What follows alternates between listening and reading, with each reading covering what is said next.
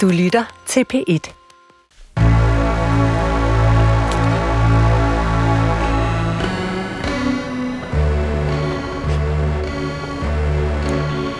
Du har ringet til Hemmeligheder på P1. Tak for din hemmelighed. Vi lover at passe godt på den. Jeg lider af OCD, og ingen ved, at jeg skal tage i håndtaget ni gange. Ellers så tror jeg, at nogen, jeg elsker, dør. Velkommen til Hemmeligheder på P1.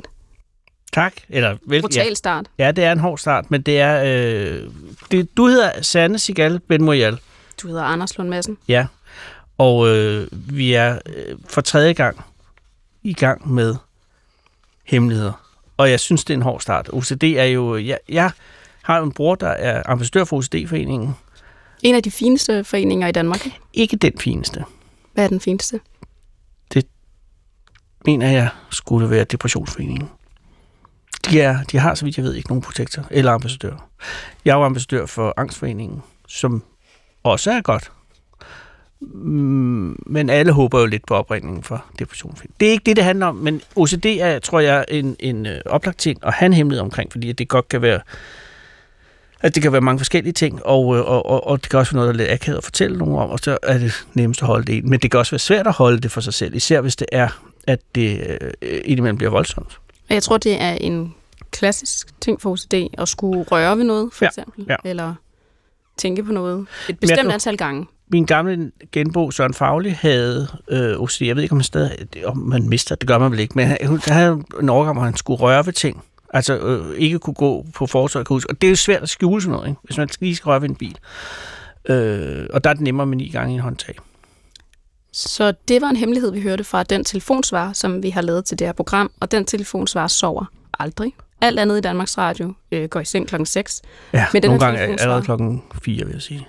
Men den her telefonsvar går aldrig hjem. Og man Nej. kan ringe til den hele døgnet rundt, hele ugen. Og også det juleaften Også i juleaften. på 28 54 4000. Og man behøver ikke have OCD. Nej. Og man behøver ikke at slå nogen ihjel.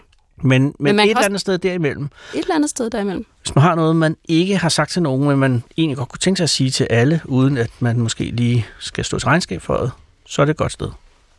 Så del din hemmelighed med os på 28 54 4000. Man kan lægge en telefonsvarbesked. Man kan også bare sende en helt almindelig gammeldags sms-besked. Ja. Eller indtale et memo, hvis man har en, en smarttelefon. Det, er også, det kan man Ja. også. Altså, og, og vi kan jo maskere stemme, hvis det er. Øh, det er også derfor, den lyder lidt, lidt løjerlig. Det er jo ikke fordi, at vedkommende sidder nede i en centrifuge. Det er simpelthen noget teknisk, vi gør. Så man ikke lige kan høre det, hvis man ikke vil have det. Det kunne Altså- være, at man var træt af sin kone, og det var en hemmelighed, og man ikke havde lyst til... Man var ikke helt klar til at sige det. Men Hvis- man var måske helt klar til at sige det til os. Men helt ærligt, jeg tror, hvis man er træt af sin kone, så tror jeg, at konen et eller andet sted godt ved det. Selvom det måske ikke er sagt. Ja, det ved jeg ikke. Det kan også være, at man er så god til at holde en hemmelighed, at, at, øh, at ens ægtefælle tænker, shit, han kan godt lide mig. Og det er der, det begynder at blive rigtig interessant. Så skal du også skrive ind. Ja. Vi har en gæst. Ja. Vi har en dagens gæst, Ja. som sidder med. Og som er et skal- godt menneske, som har indvidet at komme herind og fortælle en hemmelighed. Ja. Og det er jo en hemmelighed, som er en, en særstatus på den måde, at, at gæsten er jo ikke anonym mange sekunder endnu. Og så vil pludselig alle jo være i stand til at høre, hvis hemmelighed, eller hvor hemmeligheden kommer fra. Og så er det pludselig noget helt andet, ikke? Og hemmeligheden kommer fra, jeg tror, vi kalder hende forfatter. Ja. Hun er også, øh, øh, øh, kan jeg kalde det en tv-personlighed? Nej, du er, du er forfatter, Anna Jul. Ja, men det, det synes jeg, jeg, jeg går jo, jeg prøver for betegnelsen multitalent Ja. indført. Om det, er- og, Men og hvor længe også kan man være talent?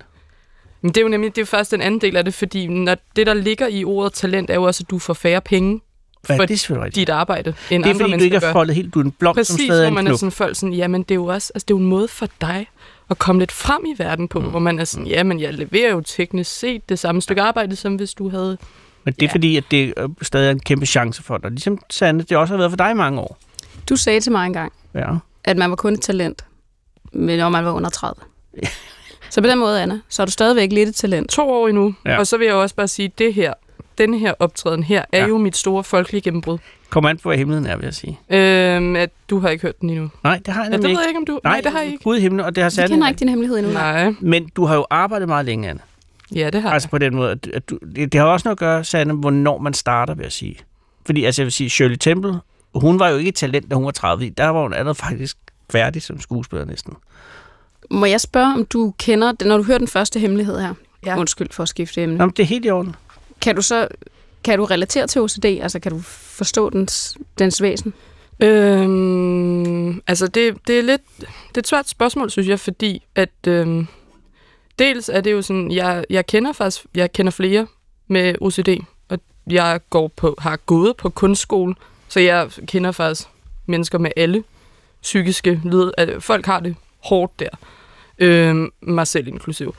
Øhm, jeg tror, altså jeg er meget sådan med, at nu er jeg selv skizofren, og ikke fordi der skal gå sådan sygt meget politik i den, men det kan godt være lidt irriterende, når folk op, op, altså sådan omtaler ting Mm. som værende, altså uværet er skizofrent, fordi det folk normalt tror om skizofreni, at det er det samme som personlighedsspaltning, eller sådan at Ja, man har flere Det- personligheder. Præcis. Ja. Øhm, og det er det egentlig ikke. Og det er lidt det samme, jeg oplever med OCD, hvor mange er sådan, ej gud, jeg har helt vildt meget OCD lige nu, fordi man har det sådan... Min, Fordi jeg min, sorterer i mig just. ja, eller sådan, at man skal hænge sokkerne mm. op i par. Altså det skal jeg for eksempel, men jeg kalder det ikke Det er, jo, OCD. det er jo ikke OCD, det er bare god orden. Præcis, og sådan, det der jo er med det, at det er jo en rigtig invaliderende sygdom, som at det er jo, og de ting, man gør, altså det er jo en, det er jo en kontroltabsangst, tror jeg, og, og at det her med sådan også lidt magisk tænkning, som jeg også lider meget af, det her med, hvis jeg ikke gør det her, så sker der det her.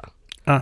Øhm, som jo bare, og der er det sådan, der findes jo behandlingsmuligheder, og jeg synes bare, at man skal ligesom være andre ting, man kan have det dårligt over, sige det til nogen og få hjælp, fordi man kan virkelig spille meget af sit liv. Ja, netop en ting, som OCD er en rigtig dårlig idé at holde som en hemmelighed, kan man sige, fordi at det forlænger jo så udsigten til, at det ændrer sig. Ja, for det har vi jo snakket om tit, det der med hemmeligheder, om det kan hjælpe Ja, og fortælle dem. Det påstår vi jo lidt, det kan. ja i hvert fald generelt. Det, det er generelt. hovedreglen, ikke? Og det er klart, der er undtagelser, fordi der er også noget, vi siger, lad være at sige det. Men den her, altså, Afgjort, sig det. jeg tror, nogen dør, hvis jeg ikke tager i håndtaget. Det kan jo måske kureres, eller man kan måske lære at leve med det. Men der er en hierarki, eller undskyld, der er et hierarki, ikke Anna, med hensyn til øh, psykiske diagnoser. Altså, det vil jeg våge på at stå. Ja, og der, der ligger skizofreni vel i supertoppen. Nej, Ikke? nej, jeg vil, ved min liste, Ja. vil jeg sådan sige, og det er jo egentlig heldigt for mig, for jeg er også bipolar. Så jeg vil sige, sådan bipolar ligger i toppen.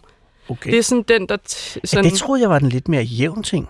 N- men det Fordi ikke i den er så forhold- udbredt. Jamen, det er ikke fordi i forhold til, men det er, hvor sexet den er. Ah. Mm. Fordi forestil dig, i stort set alle romantiske komedier, så er midterplotpunktet jo, at, at kvinden, som manden jagter, går fra at have været sådan et manisk og quirky, til lige pludselig at blive ked af det. Det er klart. Så det er sådan Klassisk bipolar. sindssygt øh, velrepræsenteret Ja. i, øh, ikke hvordan det reelt er at have det, men hvordan ideen om, hvordan ja. man har det, er præsenteret. Ikke? Men der er meget mere drama over skizofreni. Jamen, altså, sådan, men det kommer også af, at det er sådan, det, problemet med den, hvis man går sådan lidt øh, populærkulturvejen igen, så er det jo typisk, et, et, det er jo typisk på film, at det er jo et seriemordertræk. Ja. Øhm, hvor det er sådan, altså, så det er sådan en myte, at hvis man, eller det, det skal sikkert være sket et par gange, sådan er det jo som regel med myter, altså opstår de, for, eller whatever, men at man tænker, at, at skizofrene, det er lidt det samme som at være sådan en øksemorder. Ja. Eller sådan, at vi Ja. er den samme form for farlige, Ja. som en seriemorder. Fordi det tit er sådan noget med, at så skal man bruge sådan en... Fordi man ikke bare kan lave en film, hvor det er sådan, han var ond. Det skal altid være sådan, han var ond, fordi han blev bollet i røven som barn. Ja. Og det er sikkert en god... For, altså det forklarer sikkert en del. forklaring. Ja, men så er det også sådan, så smider man tit lige en diagnose ind i sådan ligningen. Det vil sige, at vi skal ikke vente en form for seriemordsafsløring fra dig, bare fordi du har skizofreni. Nej, men I kan helt klart godt forvente, at det er virkelig grimt, det jeg har gjort. Ah. Mm. Ja, for Altså- jeg skal ikke lyve og sige, jeg har ikke været skuffet over de første hemmeligheder øh, her i, øh, altså som henholdsvis Knud Romer og Martin Brygman har, har bragt. Men ingen af dem kunne komme i fængsel for dem. Nej, du påstår jo, at de fleste har en hemmelighed, som kunne bringe dem i fængsel. Ja, det er jeg ret sikker på. Har du det, Anna? 100. Det er det. Og det er inklusiv forældelsesfrister, ikke? Fordi hvis vi taler om, om øh, det sorte penge for, øh, for reklameomdelingen for tidligere, så er det jo forældet. Ja, men jeg vil sige, Mm-hmm. det, det kunne man sagtens. Og det, Det er lyder u- som om, der er mere til den historie. Ja. Den kan, den kan vi måske grave videre ned i. Skal vi lige have en hemmelighed du, mere? Ja, men jeg tænker bare, du er måske bare en af de mennesker, som ikke har gjort noget særligt. Jeg har aldrig nogensinde sagt, at jeg ikke havde en hemmelighed. Nej, nej, det ved jeg, men du har måske ikke lavet de, altså de, der, de, de forkerte hemmeligheder, om man så må sige. Altså det er der, hvor man, hvor man kan komme, hvor politiet er der involveret, eller vil blive. Og det synes jeg kun er godt, hvis det er rigtigt. Men jeg tror bare ikke, det passer. Jeg har aldrig nogensinde påstået det. Jeg har været på cruise i det karibiske øhav Ja, med Simon Jul. I 10 dage. Alene det er jo faktisk straf i sig selv. Nej, det er ikke Nå, på den måde. altså, Simon er cruiset. super sød. Ja, det, det har noget med cruiset at gøre. Ja. Øhm, Ja. Lad os spille en hemmelighed mere. Min kammerat fortalte mig, at han går med blæ. Formentlig noget fetish. Når alle gutterne er sammen, kan jeg ikke lade være med at tænke på, at han render rundt med blæ i momentet. Jeg kan nærmest høre den rasle. Jeg kan med sikkerhed sige, ja. at vi har ikke været herover i den her genre før Nej. af hemmeligheder. Men jeg synes, den er, det, er en, det er en dejlig form for hemmelighed. Fordi for mig, at den, det ved jeg ikke, det handler jo om, det, det, det stiller jo virkelig, øh, man skal jo, det, det er jo noget med tolerance Ja. og åbenhed. Og det er jo også selve afsløringen af hemmeligheden, der er interessant, jo ikke? At Når en, for det er jo hans ven eller kammerat, som, har, som, som afslører ja, Ja, om sig selv. Ja, altså så det er jo i virkeligheden ikke rigtigt hans hemmelighed. Eller han har det måske mærkeligt med at være den eneste, der ved det. Hvornår synes du, en hemmelighed holder op med at være en hemmelighed? Altså, hvor mange skal vide det, før det bare er noget, som ikke alle ved? Altså, er to øh, allerede for meget til en rigtig hemmelighed? Jeg, jeg synes, en ordentlig hemmelighed er noget, kun en selv ved. Ja. Eller en ordentlig hemmelighed, men sådan Ja, en, du ved, der hvor den... Klasse A. Ja, ellers så er det sådan, det, så- så går det over til at blive en information, man bare ikke deler med alle Ja. på en eller anden måde. Ikke? Ja. Og det er, sådan, det er to lidt forskellige ting, synes jeg. Absolut. Kan der ikke også være sådan en hemmelighed, som er en klasse A, nu siger jeg en klasse A-hemmelighed, ja. Hvor man deler den, men, men med en, altså hvor man ligesom har skabt hemmeligheden Jo, sammen, hvis du er sammen om at slå nogen Ja. ihjel, for eksempel. Ikke?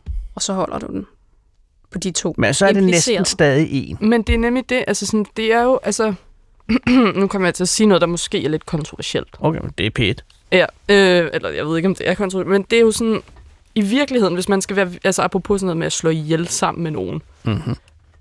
der er virkelig, tror jeg, få mennesker derude, man kunne slå nogen ihjel sammen med, og så være 100% sikker på, at man havde hemmeligheden. For, at, du kan aldrig være 100% sikker på, at du så har Og hemmeligheden for evigt. Altså sådan, ja, nej, jeg tror godt, der findes nogen derude, hvor man kan sige, han kommer aldrig Ja, til. du vil næsten være nødt til at slå den ihjel også. Det vil være min Ah, taktik. det er den næste tanke. Ja. Men for eksempel, har du nogle søskende? Jeg har en bror, ja. Ja. Vil du ikke godt kunne slå nogen sammen, ihjel sammen med ham, og lige vide, at den kommer ikke længere? Altså, jeg kender hinanden hele livet. Jeg tror aldrig, jeg vil vide det med 100% sikkerhed, fordi der er findes det begreb i verden, desværre, der hedder tortur. Nej, men jeg tror Jamen, bare... det havde jeg ikke tænkt over. Det er rigtigt. Jamen, jeg tror, Men de- ikke i dansk retspleje jo. At det, det, det, det tør jeg ikke. Okay, det et udtale. jeg ved det ikke. Altså, så det, det, Men tortur er selvfølgelig værd, værd at tage med. og jeg og du ved tror, han ikke, ville bryde sammen under tortur? om, jeg ville bryde under. Altså, hvis det var ham, der havde sagt sådan, det her fortæller du fucking ikke til nogen, og så en eller anden idiot begyndte at hive mine negle af. Det er lige præcis der, jeg også falder. Hvis nogen begynder at gøre noget med neglene. Eller noget med mine øjne, eller Nej, sådan ind noget. under neglene. Ja, Altså, og det er der, dumt at sige det i radioen, fordi det er det eneste, jeg ikke kan klare. Jeg tror nærmest også, altså sådan, apropos det der med at være, jeg, jeg, jeg håndterer jo teknomusik og strobelys enormt dårligt. Jeg bliver simpelthen instant psykotisk af det. Så du kunne også bare tænde for Bare sådan... sende dig på natdop. Ja, du kunne seriøst bare sende mig til rave, og så ville jeg være sådan, Okay, det er usikkert. udlevere alle øh. Så lad være med at fortælle. Lad være at slå nogen ihjel sammen Ja. med, med, med dig under nogle omstændigheder. Men, Sanne, Det her program kører med 200 øh, nej, nej, men det, 50, men det er øh, interessant. Time. Nej, men øh, bare for Tilbage at til sige, blæerne. tilbage øh, til blæen. Jeg vil sige, jeg har jo syv børn, så jeg kender indgående blæer. Hvor de er fuldstændig u- udramatiske en- ja, og ufetishistiske. Ja. Men det er klart, at hvis det er en, jeg formoder, det er en voksen mand, øh, som, som, som, har, som har denne øh, fetish, så er det selvfølgelig en, et, det er noget, der skaber billeder. Og så kan det være en svær hemmelighed at bære på. Men jeg kan sindssygt godt forstå det her med, at man får en information, som man måske i den bedst tænkelige ideologiske verden bare skulle have det sådan fuldstændig chill med at have fået, Ja. og så bare ikke tænke, men sådan fungerer det jo bare ikke. Og hvis det er, at man har fået noget at vide, så Ja. man har det sådan lidt, øh, det vil jeg, måske, altså, det vil jeg måske helst ikke have vidst, så tror jeg, jeg er sådan den bedste vej at prøve at tale med vedkommende. Ikke at han, at han skal gøre noget som helst andet end at gå med blæ, men måske blive klogere på det, spørg ind, altså sådan, Ja, finde fordi ud af... der er jo også tale om, at der er en, der har fået en hemmelighed her, som måske er ikke så relaterbar for de fleste mennesker. Nej, men det er jo bare... Jamen, det jo, alle har jo været der, Sande. Vi har alle været der. Men det er jo samtidig også, altså sådan, vedkommende har jo sikkert sagt det til sin ven, fordi han har brug for nogen at snakke med om. Ja. Og fordi han også godt ved, at det er typisk at gå med blæ, ikke? Så det er, vel, det er et råb om hjælp. Men, Eller ikke hjælp, men råb om det bare en ventil, ikke? eller sådan et eller andet, tror jeg. Men det er stadig et- et par skridt væk fra noget, som er rigtig nasty på den måde, at man jo godt kunne håndtere at have nogen, man kendte, havde en blæ på, mens man sad og, og var på Tante T og, og drikke noget matcha med dem. øh, Sagtens.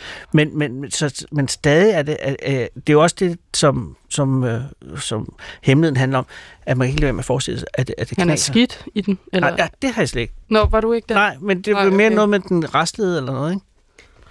Jo, altså, Altså, det er jo Det, det, jeg jeg, også vil have svært ved. når Når man folk- sidder der, så har man inviteret ham hjem øh, på en middag, og så pludselig kan man høre... Altså lige sådan noget ASMR, man ikke har lyst til på det tidspunkt. Men jeg, jeg ved ikke, der er bare noget med, at jeg tror, jeg synes, at man sådan generelt skulle være bedre til at tale om, jeg ved ikke engang, om jeg vil kalde det en fetish, eller sådan en seksuel præference, eller hvis det Tilbøjelighed. overhovedet ikke, hvis det, det kan også være, at det slet ikke handler om seksualitet.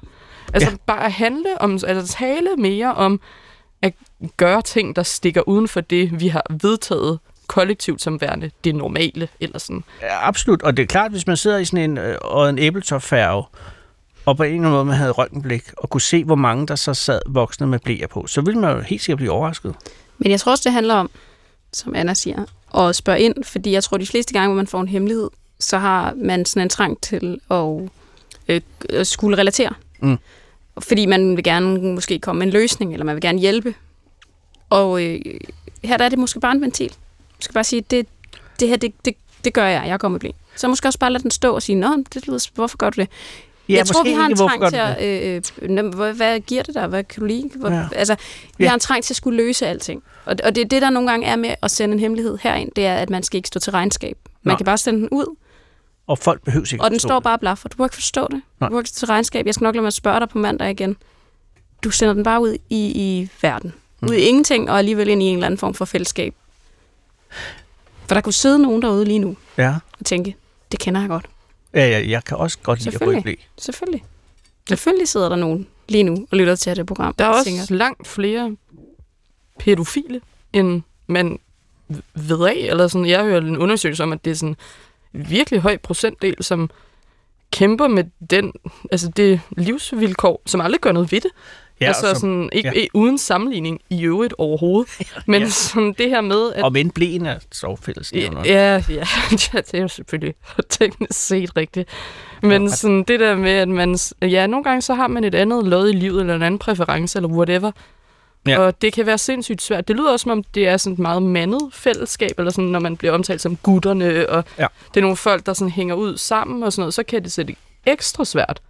Måske, hvis man stikker lidt uden for resten af sin gruppe og sådan. Men altså, der kræver noget mere også, at lige at kaste den ud i en forsamling, at jeg er pædofil. Jeg er, agerer ikke på det, men, men jeg har, I skal bare vide, at jeg er virkelig tiltrukket af børn. Jeg har aldrig gjort noget. Men det er jo kæmpe, egentlig, altså det, er jo, det må være så frygteligt at have det sådan, og ikke kunne sige det til Brug som nogen. hemmelighed at bære på. Altså, det må være så forfærdeligt. lad os tage en hemmelighed mere. Jeg tænder på fuldvoksne gifte mænd. Jeg kan ikke tænde på mænd på min egen alder. Desværre. Og, altså, efter to... Desværre, siger Ja. han, hun, den, det til sidst. Ja. Lyder som en kvinde, vil jeg sige. Men det ved vi ikke. Lige på den igen. Jeg tænder på fuldvoksne gifte mænd. Jeg kan ikke tænde på mænd på min egen alder. Desværre. Men det der, det svære. Ja. Men det er også fordi, der er et adjektiv til på, det er gift jo.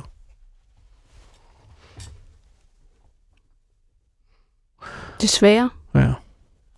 Det er det, der, det er det, der er hemmeligheden. Altså, det er de gifte mænd, ikke? Ja.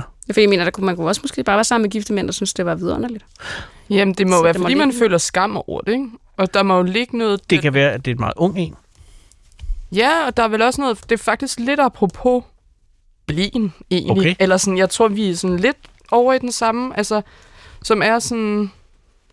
Man, man føler... s- mus- eller, Det skal jeg ikke udtale mig om, hvad man gør, men der er i hvert fald der er noget skam i forbundet med at gøre noget, der igen stikker uden for Mhm. normalen.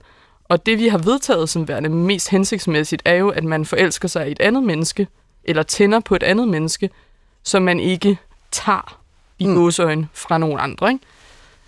Øhm, Det er jo optimal situation.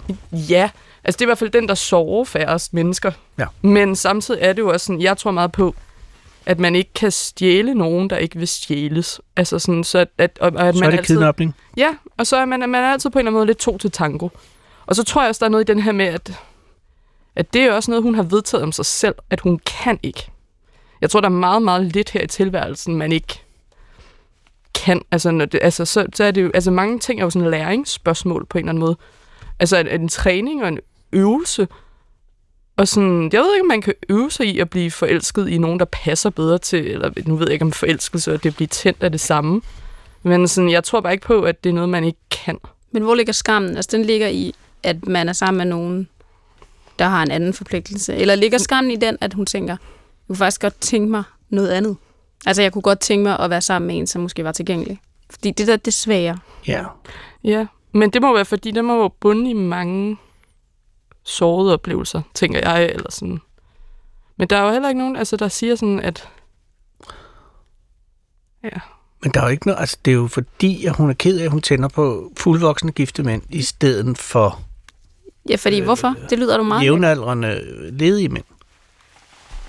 Så det, Så ledige er... og på den måde har Anna ret i, at det er lidt det samme som med Nøgleord. blæen, at man er, man er ked af sin tilbøjelighed, sin præference. Man vil godt have, at man var... set så ikke ham med blæen, der var ked af det. Kan godt være, at han har det fuldstændig fint, men det Du var, fuldstændig ret. det var noget med den anden, eller sådan det, så jeg kunne lure mig om ikke, at det er fordi, at man sidder med sine venner, eller veninder, eller whatever vi skal kalde dem, og siger sådan, ej, men jeg er simpelthen, jeg, jeg skulle bare bo for marketing, der kører Tesla og sådan noget. Han er fucking lækker. Og så er der en anden en, der siger, at han er jo gift og har tre børn, og så siger man sådan, ja, men altså, kunne man ikke? Så siger man, nej, det gør man bare ikke, ikke? Altså, det kan være, det er der skammen er, fordi at andre mennesker synes, det er forkert, og man måske derfor også selv synes, det er lidt forkert, men Jeg tænker også, det kan også være, at det ikke er tilbøjeligheden, men ledigheden, som Anna sagde lige før, at det kan være de mange dårlige oplevelser, der ligger i det med de gifte. Men det er vel også sådan, fordi det at tænde på, lyder meget seksuelt ladet. Ja. Og egentlig så er der jo sådan ikke noget i vejen for, altså bortset fra, at der sikkert på en eller anden måde er nogen, der kan blive ked af det, men man kan komme til at sove så mange mennesker over det hele hele tiden.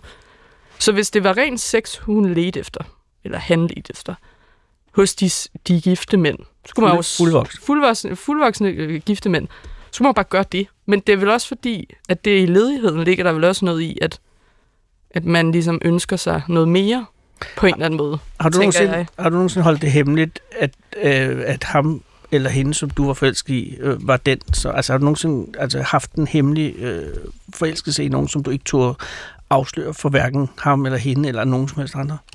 Øhm... Ja, det tror jeg.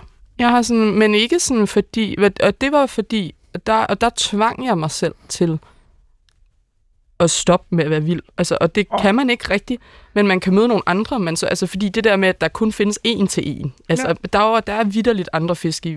Det tager lang tid at finde de andre fisk. Men lige pludselig en dag, så er der en eller anden cute klumpfisk, eller klovnefisk, eller whatever. Jeg kan ikke lide andre fisk. Klumpfisk er go- godt. Øhm, som godt man set. så bliver vild med. Ja. Men du har været ude i, altså, og du ikke øh, kunne få dig selv til at reagere, eller Men han var taget. Han var og så taget. der var en baby på vej, og det var meget sådan, det kan jeg sgu ikke, eller sådan, det, jeg må hellere, jeg holder min kæft. Og det var virkelig svært at holde sin kæft. Så du sagde det ikke engang til ham? Nej, det gjorde jeg ikke. Jeg holdt min kæft, og så, Har du så tænkt, hvad nu hvis jeg havde? det, det gjorde jeg sådan on and off i lang tid, indtil jeg mødte min nuværende kæreste, hvor jeg var sådan, jeg har faktisk, jeg har aldrig troet på den eneste ene. Men, Så det gør jeg heller ikke nu, men han kommer sat med tæt på, vil Åh. jeg sige. Så sådan, Men har du så sagt til ham den anden efterfølgende?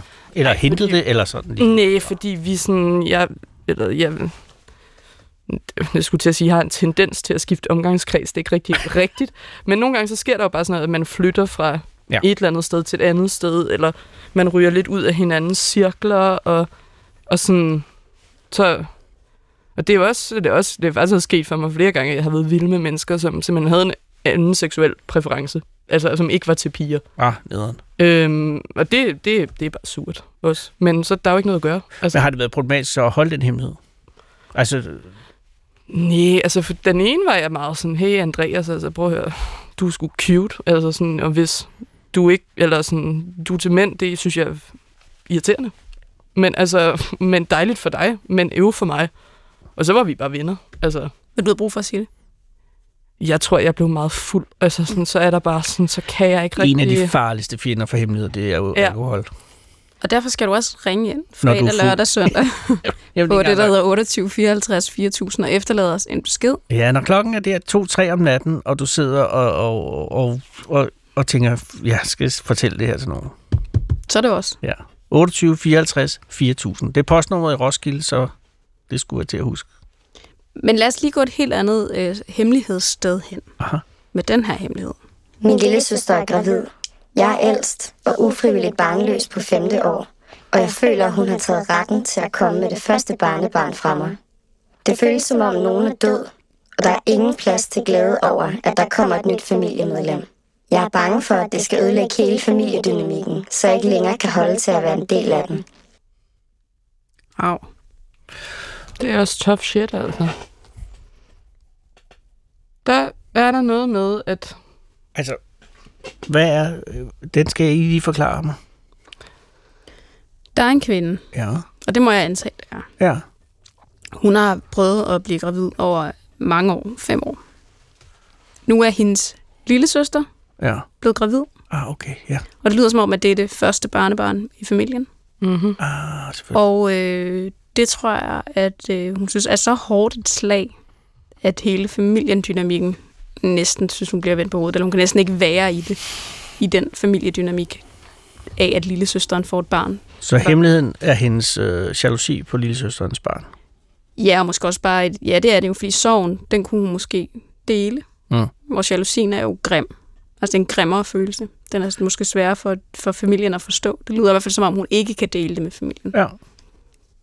Men der er også noget med sådan, kender jeg i hvert fald fra mig selv, er, at nogle gange så bliver man, enten så havner man selv i situationen, eller også så bliver man på en eller anden måde placeret i den. Og hun er jo blevet placeret et sted, hun ikke har lyst til at være. Øh, I en situation eller en konstellation, som ikke er nice for hende. Men der er det bare nogle gange, så får man, altså så vinder man på en måde også muligheden for at kunne være det større menneske. Og det er ikke altid, den er helt vildt nem at tage på sig, men der findes bare noget sådan utrolig smukt i at nå hen til det sted, hvor man erkender og kan snakke om. Jeg er helt vildt ked af det. Fordi lurer mig, om hun ikke er også et eller andet sted derinde, under alt det andet, også er glad på sin søsters vegne, fordi det er man jo som oftest, når, Mm. når, når, når man elsker nogen, og sådan, jeg er da sådan, nu, jeg har aldrig prøvet at få børn, og ved heller ikke, om jeg skal have nogle børn og sådan noget. Men jeg, jeg kender det for sådan arbejdsmæssig sammenhæng, som er uden sammenligning overhovedet, men hvor jeg godt kan have det sådan, fuck mand, det fuck, hvor er det pissirriterende, Det, det der sker for dig og ikke for mig, og det er ikke fordi, jeg sådan særlig tit er sådan, men så, så samtidig så er det jo sådan, man, man får det, og så er det bare egoistisk, man får det jo godt af at lade ting flyve, og, og være sådan sød ved andre mennesker. Altså sådan helt ligesom det dumme afsnit af Friends, hvor Phoebe siger, at der ikke findes nogen handlinger, der ikke er egoistiske. Og det tror jeg, at det altså, det er så meget rigtigt, altså, fordi man får det jo godt af at behandle andre mennesker godt, så derfor er der ikke rigtig nogen grund til. Men så er den, ikke, er den så reel, den behandling, man giver folk? Det, ja, det tænker jeg, fordi alle handlinger er lidt den måde, tror jeg. Ved det ikke. Jeg kan, jeg, det lyder hårdt. At der er noget i det for en selv? Jo, ja, men altså, ja. Det er jo bare misundelse. Er jo over hele verden anerkendt som en grim følelse. Jeg tror ikke, der er nogen kulturer, som, som hylder misundelsen. Men den er sindssygt udbredt. jo tosset. Men tror du ikke, hvis man sagde det, alle ved, man ikke har kunnet få børn, tror du ikke, man ville synes, det var meget forståeligt? Det kommer Ja. helt an på, hvordan du siger det jo. Ja, det tror jeg nemlig også, fordi jeg tror, at den er sindssygt. Jeg tror faktisk, den, det er, at det er jo meget sådan, lyder det på folk, som om det er en meget sådan uragtig ting at, at blive ja. forældre. Og jeg tror virkelig, mange kan relatere til sorgen over ikke at kunne blive det. Ja. Jeg tror, der den bliver svær, det er, at man er helt derude i, at man sådan har det sådan, jeg tror aldrig, vi kan være, altså det der med, det med at sige, at jeg skulle have lavet det første barnebarn. Ja. Altså sådan, den, den tror jeg måske er lidt, altså jeg tror godt, jeg tror, jeg tror meget på dialog. Altså, man må prøve, men man skal nok, Men det er også klart, Tænke det over. kommer også til at handle om misundelsen mod det lille bitte barn. Ikke? Som jo sidder eller ligger der og er helt uskyldig og meget pænt. Og det bliver jo så ekstra grimt, når det er der forurettelsen rammer imod. Du tænker, så bliver det ekstra... Jeg vil sige, det er nemmere, hvis du Ja. har en kollega på arbejde, som du er misundelig over, at hun... Har fået et fedt job. Ja, præcis. Men hvis du er misundelig over, at din lille søster har fået et sødt barn, så er det meget svært. Ligesom, og den er svær at spænde på en positiv måde, vil jeg sige. Altså, det er svært at høste noget som helst sympati på, fordi det hele ender med, at jeg ville have haft dit barn. Eller jeg skulle have haft det før. At du må ikke have fået et, et eller andet. Ikke? Jeg anede ikke, at det her var et problem, fordi at jeg har, det slår mig nu, at jeg har jo fået et barn, før min storebror fik et barn. Og tænk, hvis han har siddet og haft... At nu fik han jo et, et, vidunderligt barn også, men, men jeg, fik, jeg har ikke siddet og tænkt på det, at det kunne være en ting. Du kender ikke den her slags hemmelighed? Nej, det kan jeg Jeg ikke. kender den rigtig godt. Men jeg, det er da også, fordi jeg bare har fået børn og børn og børn, ikke? Så jeg er da bare siddet der. Men Anna, har din bror børn? Nej. Nå, okay, så I har den heller ikke. Men jeg kender den her fra min omgangskreds. Det er. Det her, det, nu har du snakket meget om kønnede hemmeligheder. Og Aha. jeg har jo stylet lidt. For jeg synes, det er lidt kønsstereotypt. Okay. Men jeg kender den her hemmelighed meget godt fra min omgangskreds. Du Så mener, det måske er en ikke- damehemmelighed? er vi, er vi der, vi er? Jamen, altså, Jeg tænker, når du ikke har hørt om den, så... Jeg ville være meget overrasket, hvis min storebror han kom og sagde en dag, at du skal vide, at jeg havde det virkelig øh, akavet over, at du var den første, som lavede et barnebarn i, i vores forældres liv. Så tror jeg måske, at mit hoved vil eksplodere. Vil du love, at du spørger Peter? Jeg lover, jeg kan sms ham med det samme og se, om der kommer et svar. Det må du meget gerne. Lad os lige høre øh, en hemmelighed, inden Anna fortæller sin øh, hemmelighed, mens du øh, sms'er Peter. Mm-hmm. Første gang jeg kørte over 200 km i timen, var i min lokale folketingsmedlemsbil. På en jysk landevej midt om natten. Jeg skulle hente øl på tanken i nabobyen. Første gang jeg kørte over 200 Første gang, jeg kørte over 200 km i timen. der må jeg jo bare sige, som en, der selv har mistet en kær ven til vanvidskørsel, bare not cool. Søg hjælp, hvis det er et eller andet, som er sådan kompulsivt for dig, eller et eller andet, der, der er det bare sådan... Det, jeg, jeg, jeg, forståelsen går meget langt, men der er jeg sgu også bare sådan, prøv at stoppe, please, for ellers andres skyld. Og ærgerligt, hvis det bunder i alle mulige hårde ting, men så findes der et begreb, der hedder terapi, som koster mange penge, men man kan også få det bevilget af kommunen. Op til 10 gange jo. Ja, jeg tænker, det er en ret god... Jeg tror, kommunen vil være ret villig til at sige, hvis man kommer og siger, jeg kører 200 km i min bil, fordi jeg skal ned og hælde øl. Så tror jeg måske, de vil sige, har du nogle andre problemer, gå i terapi. Ellers lad os konfiskere din bil. Men er det ekstra krydderi, at det er en folketingsmedlem?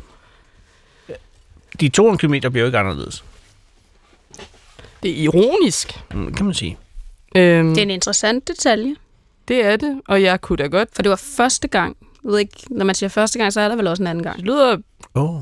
Er der? Ja, jo, Det er der, der er politimanden i dig, der taler. Der, den havde jeg heller ikke fanget. Hvis vi to var betjente, så skulle du helt klart være den hårde betjent. Nu siger du første gang. Det betyder, at der har været en anden gang. Det tænker du analytisk. Men Du har øh, mistet en ven til vanvidskørsel, og det må jeg sige, allerede nu har du jo øh, afsløret flere hemmeligheder end øh, nogen anden gæst i det her program. Jeg ved ikke, om det er en hemmelighed, men det er da, øh, det var så øh, voldsom en reaktion på den her hemmelighed, at jeg, jeg næsten synes, vi skal lade den stå. ja. Der er jo ikke så meget at sige. Ikke andet end du har ret. ja. Og det er jo klart, at sådan nogle oplevelser gør jo, at man får en meget afklaret holdning til visse dilemmaer. Der er også sådan, der, der er noget, hvor det må være sådan cool nok at ringe ind til en hemmelighedstelefon. Men der er også nogle ting, hvor man sådan...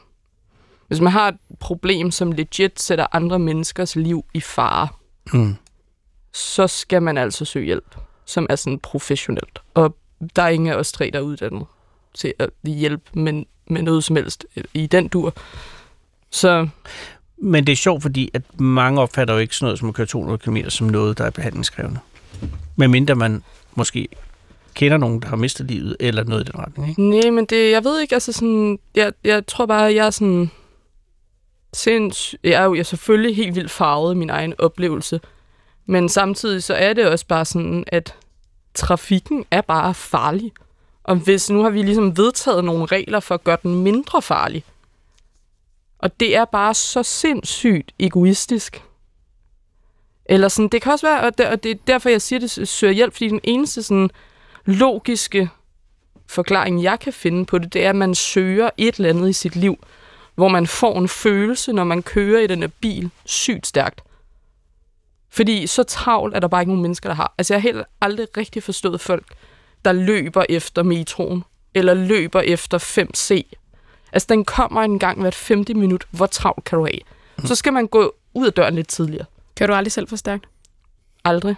Altså, jeg, jeg er virkelig sådan, men jeg kører også meget sjældent bil, faktisk, fordi jeg ikke skal bruge en bil særlig tit, og sådan, så jeg får det sådan helt angstagtigt, når jeg så endelig er i en bil. Så meget sådan...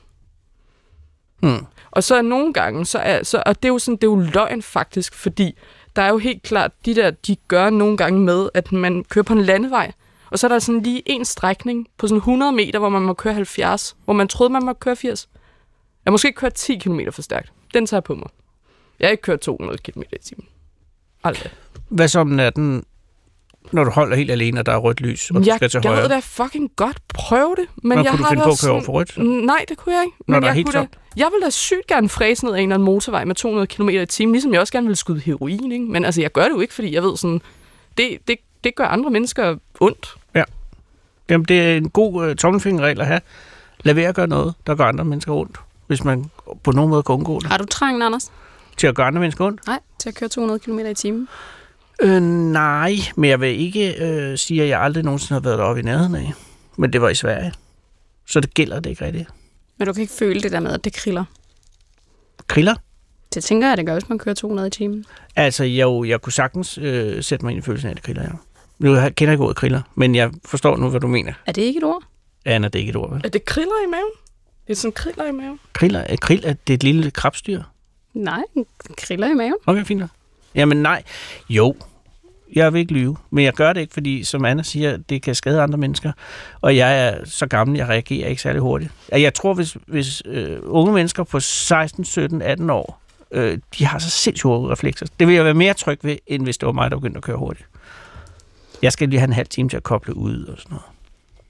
Ja, hvis jeg havde kobling. Vi skal høre Annas hemmelighed. Jeg har jo ingen idé om, hvor den her hemmelighed sig hen. Altså ingen, den kunne tage os... Gud, ja, vi skal høre den, fordi Vi skal høre hemmeligheden. jøsses, tiden er løbet. Ja. Anna, har du fået kolde fødder? Så øh, nu. Nej, det har jeg ikke. Øh, men det er for, jeg synes egentlig, i virkeligheden, så synes jeg, at det, det er lidt mere interessant at snakke om sådan konteksten for hemmeligheden, end hemmeligheden i sig selv.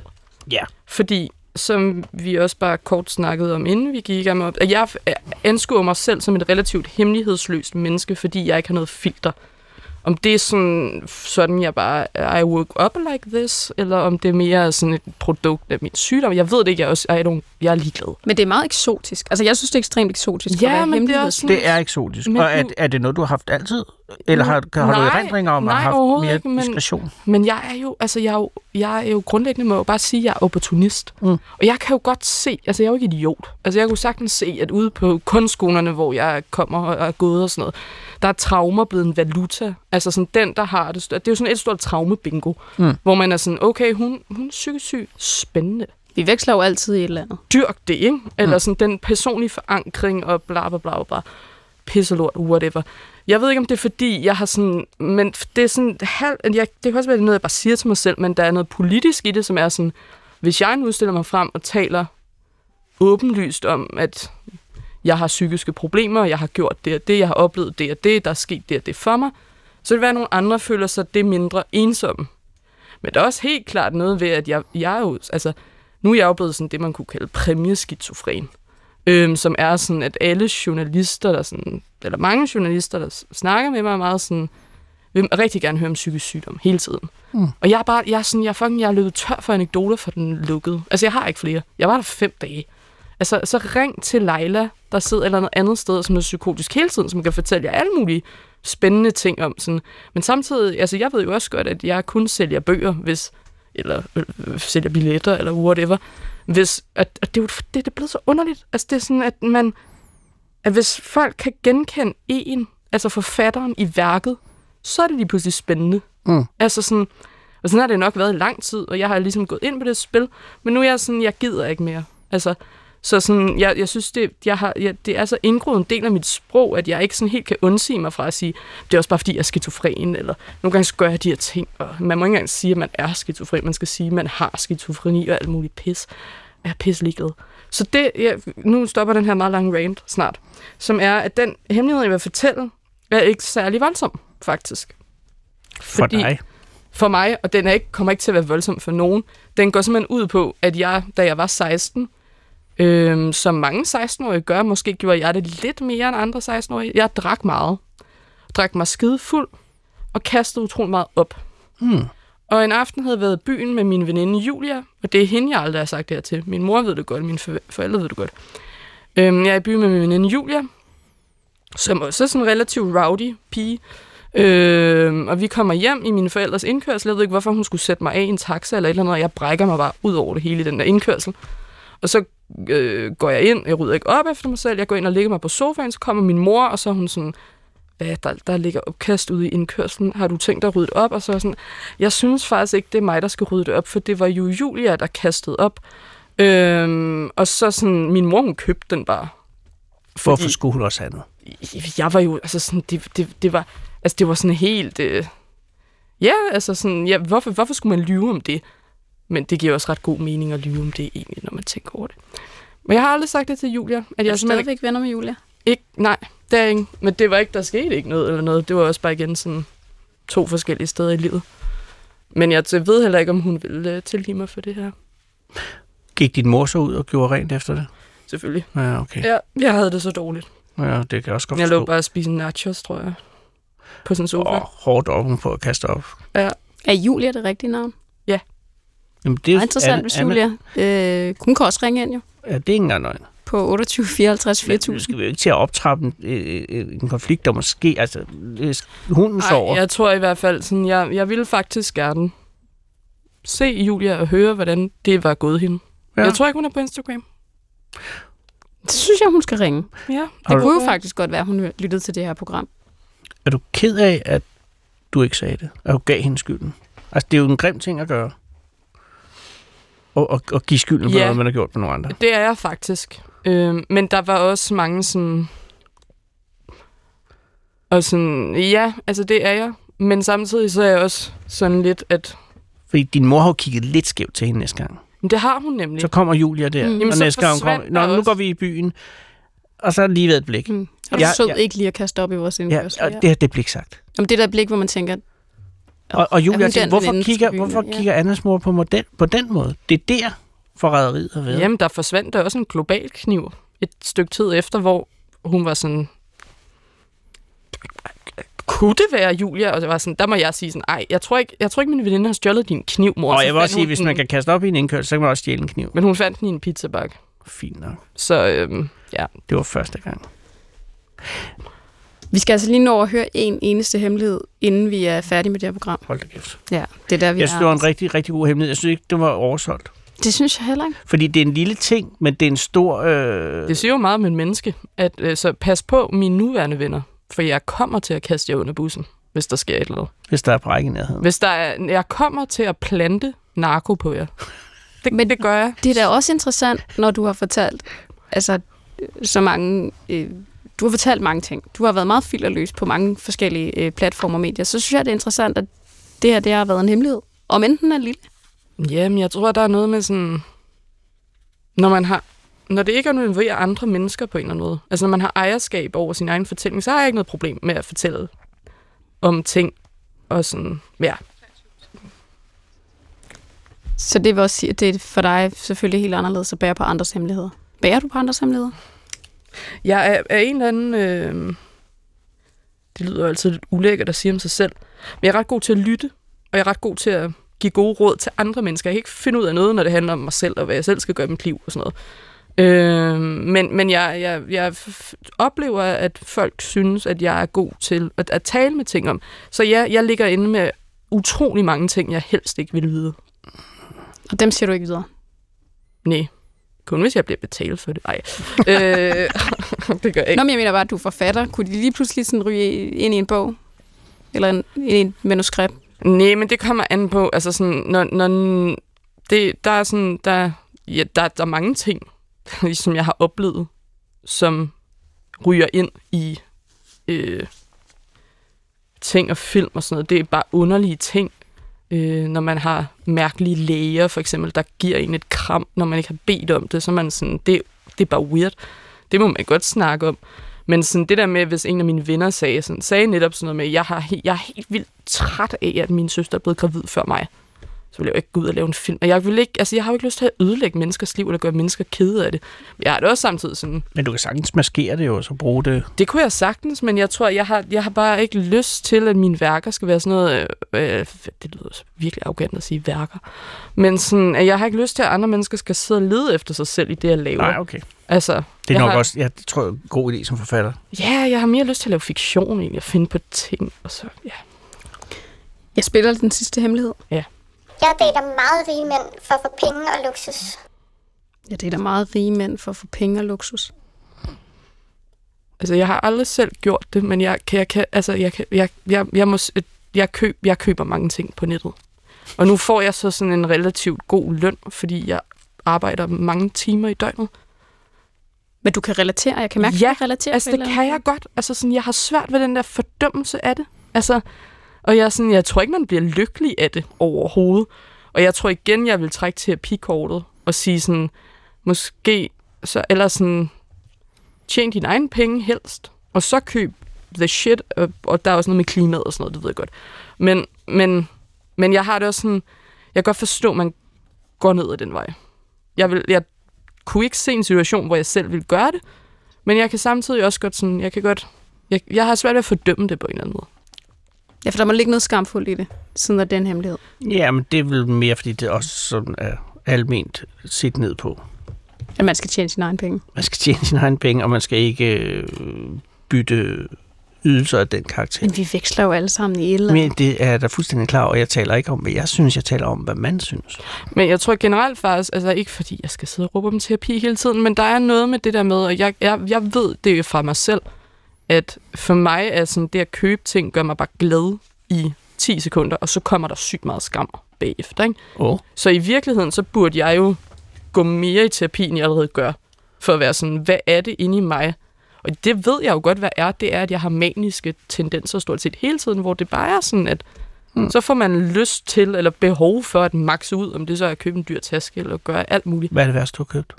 Altså virkelig, hvor du har tænkt, fuck, Jeg har brugt for 2.000 kroner på dåsefisk på internettet. er ikke unødvendigt en dårlig... Er det, ikke, det behøver ikke at være en dårlig idé. Det var, Trods alt noget, man kan bruge. det var lækkert, og de holder i lang tid. Ja, for lige præcis, det er jo hele konserves. Jeg er nødt til at sige, at vi slutter lige om lidt. Er det rigtigt? Og jeg vil meget gerne have lov til at takke Anna for at være gæst i dag. Anna, absurd god gæst. Tak. Og hvis ikke det her det er folkeligt gennembrud, Så ved jeg ikke hvad. Hvis du ikke bliver folkekage efter det her program, så lad være. Nej, det skal vi ikke sige. Det er jo pænt stadig. Nej, men jeg, Anna, jeg, jeg tror, det er måske dig, der gør P1 folkeligt. Hvad har du nede i kælderen, kære lytter? Udover vintertøjet og soveposerne med hul i og sylteprojektet og seks ugers vinen og stakken af fotoalbums med billeder fra glemte ferier ved Gardasøen. Hvad er der egentlig dernede, inde bag præsendingen og den falske væg? Du murede op i løbet af den weekend for mange år siden, hvor resten af familien var over at besøge svigermor på plejehjemmet, og du blev tilbage, fordi du skulle arbejde. Hvad var det egentlig for noget arbejde, kære lytter? Og hvad er det for nogle lyde indimellem fra vandrørene ude på toilettet, når alt er stille? Skrabende og prikkende og gnidende, som om der lå nogen et eller andet sted dernede i husets bu og forsøgte at give sig til kende. Hvem er det, der græder nede i din kælder, kære lytter? Denne hemmelighed bliver født den 10. juni 1991. Det er to dage inden Boris Yeltsin bliver valgt til præsident i Rusland efter sammenbrud af Sovjetunionen, og den morgen forlader 11-årige JC Dugard sit hjem i South Lake Tahoe i Kalifornien i USA for at tage skolebussen i skole. Hendes mor er allerede på arbejde, men Jaycees stefar, det man i dag nok ville kalde en bonusfar, ser fra køkkenet, at Jaycee, der er klædt helt i lyserødt, stopper halvvejs op ad bakken mod busstopstedet, hvor en grå varevogn er stanset. Og så går alting pludselig meget hurtigt. Inde i bilen rækker føreren Philip Greg Garrido en strømpistol ud og støder den lille pige så voldsomt, at hun besvimer. Hvorefter hans kone Nancy springer ud fra passagersædet og slæber JC ind i bilen, der kører hastigt fra stedet. Og selvom Jaceys stedfar cykler efter, så forsvinder den grå varevogn stort set med det samme i trafikken.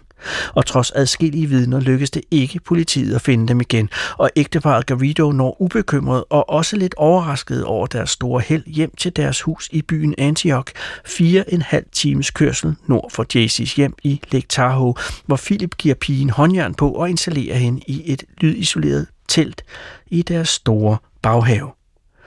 Det er allerede nu en stor hemmelighed, men den skal blive meget større. Senere samme dag tvinger Philip hende i brusebad, og det er første gang Jaycee ser en nøgen voksen mand. Og han fortæller hende, at der er dobermans i haven, som vil dræbe hende, hvis hun forsøger at stikke af. Og hele den første uge har Jaycee håndjern på døgnet rundt, og hendes eneste menneskelige kontakt er, når Philip indimellem kommer med mad til hende, ligesom hun på et tidspunkt også får en spand til at forrette sin nødtøft i og efter en uge voldtager han den 11-årige pige for første gang. Stadig iført sine håndjern, og således fortsætter de i halvanden måned, før Jaycee bliver flyttet ind til et større telt, hvor hun bliver lænket til en seng, og selvom voldtægterne bliver lidt sjældnere, så bliver Philip mere og mere skræmmende ser. Og slået og således slår hemmeligheden rod i baghaven i Antioch i Kalifornien. Philip fortæller JC, at det var dæmonengle, som lod ham tage hende med sig hjem, og at meningen er, at hun skal hjælpe ham med de forskellige seksuelle problemer, som er skabt af samfundet. Og under adskillige meth trips tvinger Philip JC til at klæde sig ud og tage make op på, mens han sidder og klipper billeder ud af pornobladet og bare betragter hende. Og tripsene ender nogle gange med, at Philip græder og beder om undskyld, og andre gange tror han med at sælge hende til folk, der vil holde hende i bur. Og hemmeligheden vokser. Efter syv måneder begynder Philips kone Nancy at komme på besøg i teltet, og første gang har hun et tøjdyr og en kakaomælk med, men snart begynder også Nancy at opføre sig køligt og ligefrem bebrejdende over for den 11-årige pige, som Nancy beskylder for at ville stjæle Philip fra hende. To gange får Jaycee således en kattekilling som selskab, men begge gange forsvinder killingen igen kort efter, uden at Jaycee får hverken forklaring eller trøst. Efter tre års fangenskab i teltet får JC sit første varme måltid mad. Det er påskedag 1994, tre dage inden folkemordet i Rwanda bliver indledt med nedskydning af præsidentens fly over Kigali, og anledningen til den varme mad er, at JC Dugard i en alder af 13 år er blevet gravid med sit første barn. Hun er endda fire en halv måned henne, og Jaycee tilbringer resten af graviditeten med at se fjernsynsprogrammer om fødsler på det tv, som hun har fået udleveret mod, at hun lover ikke at se nyhedsudsendelser på det. Og i august føder hun en velskabt datter der i teltet, alene, i en alder af bare 14 år. Og nu er hemmeligheden enorm. Og imens leder hendes mor og resten af verden efter JC Dugard, bortset fra at det hele ligesom løber ud i sandet. Selvom der er mange spor, og selvom naboer indimellem ser en pige stå og se fortabt ud i ægteparet Gavidos umådeligt rode baghave, og selvom flere vidner ved flere lejligheder henvender sig til politiet med deres mistanke om, at noget ser, øh, om noget sært i den baghave, så når det aldrig rigtig nogen vegne. For USA er et land, hvor det stadig indimellem er seriøst langt mellem snapsene, og hvor folk stadig kan forsvinde og bare ikke dukke op igen. Og årene går. Den 13 november 1997, dagen efter Ramzi Youssef får sin dom for den første bumpning af World Trade Center, føder JC sin anden datter i teltet i baghaven i Antioch. Igen alene og uden hjælp. Hun er da 17 år gammel. Hemmeligheden er 6,5 år gammel, men gigantisk, og den vokser stadig. For der går 12 år mere, før hun slipper fri. Den 26. august 2009, for præcis 11 år siden i dag, bliver JC Dugard befriet efter 18 års fangenskab. JC er på det her tidspunkt 29 år gammel, og hendes to døtre er henholdsvis 11 og 15. Og det hele sker lidt tilfældigt, fordi Philip Garrido havde opført sig sært under et møde med en fra kommunen. Og endelig er der en eller anden i systemet, som gør noget. Og da Philip møder op igen dagen efter, den 26. august 2009 i selskab med både Nancy og Jaycee og de to piger, så bliver Jaycee og pigerne hævet fra i et separat lokale. Og selvom de alle tre i begyndelsen nægter at have nogen som helst problemer overhovedet, så er hemmeligheden trods alt blevet så enorm og så betændt og så porøs, at den bryder frem og op og ud i løbet af bare minutter. Og så ligger den der på bordet på kommunekontoret i Concord i Kalifornien, som en 18 år gammel, stinkende, fordærvet, brækfarvet klisterklat af endeløse løgne og fortielser. Og alle kan se, hvorledes den ligesom fiser ud og imploderer ind i sig selv, indtil der bare er en lille plet tilbage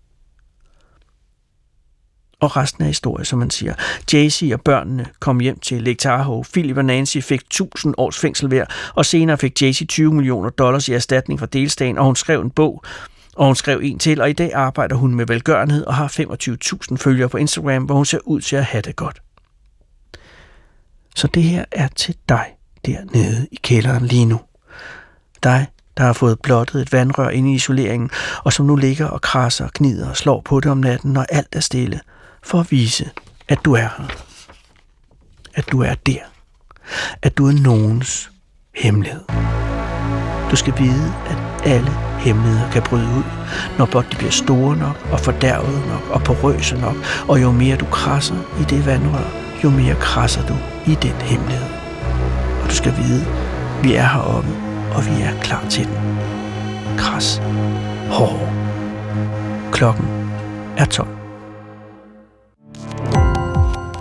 Gå på opdagelse i alle DR's podcast og radioprogrammer. I appen DR Lyd.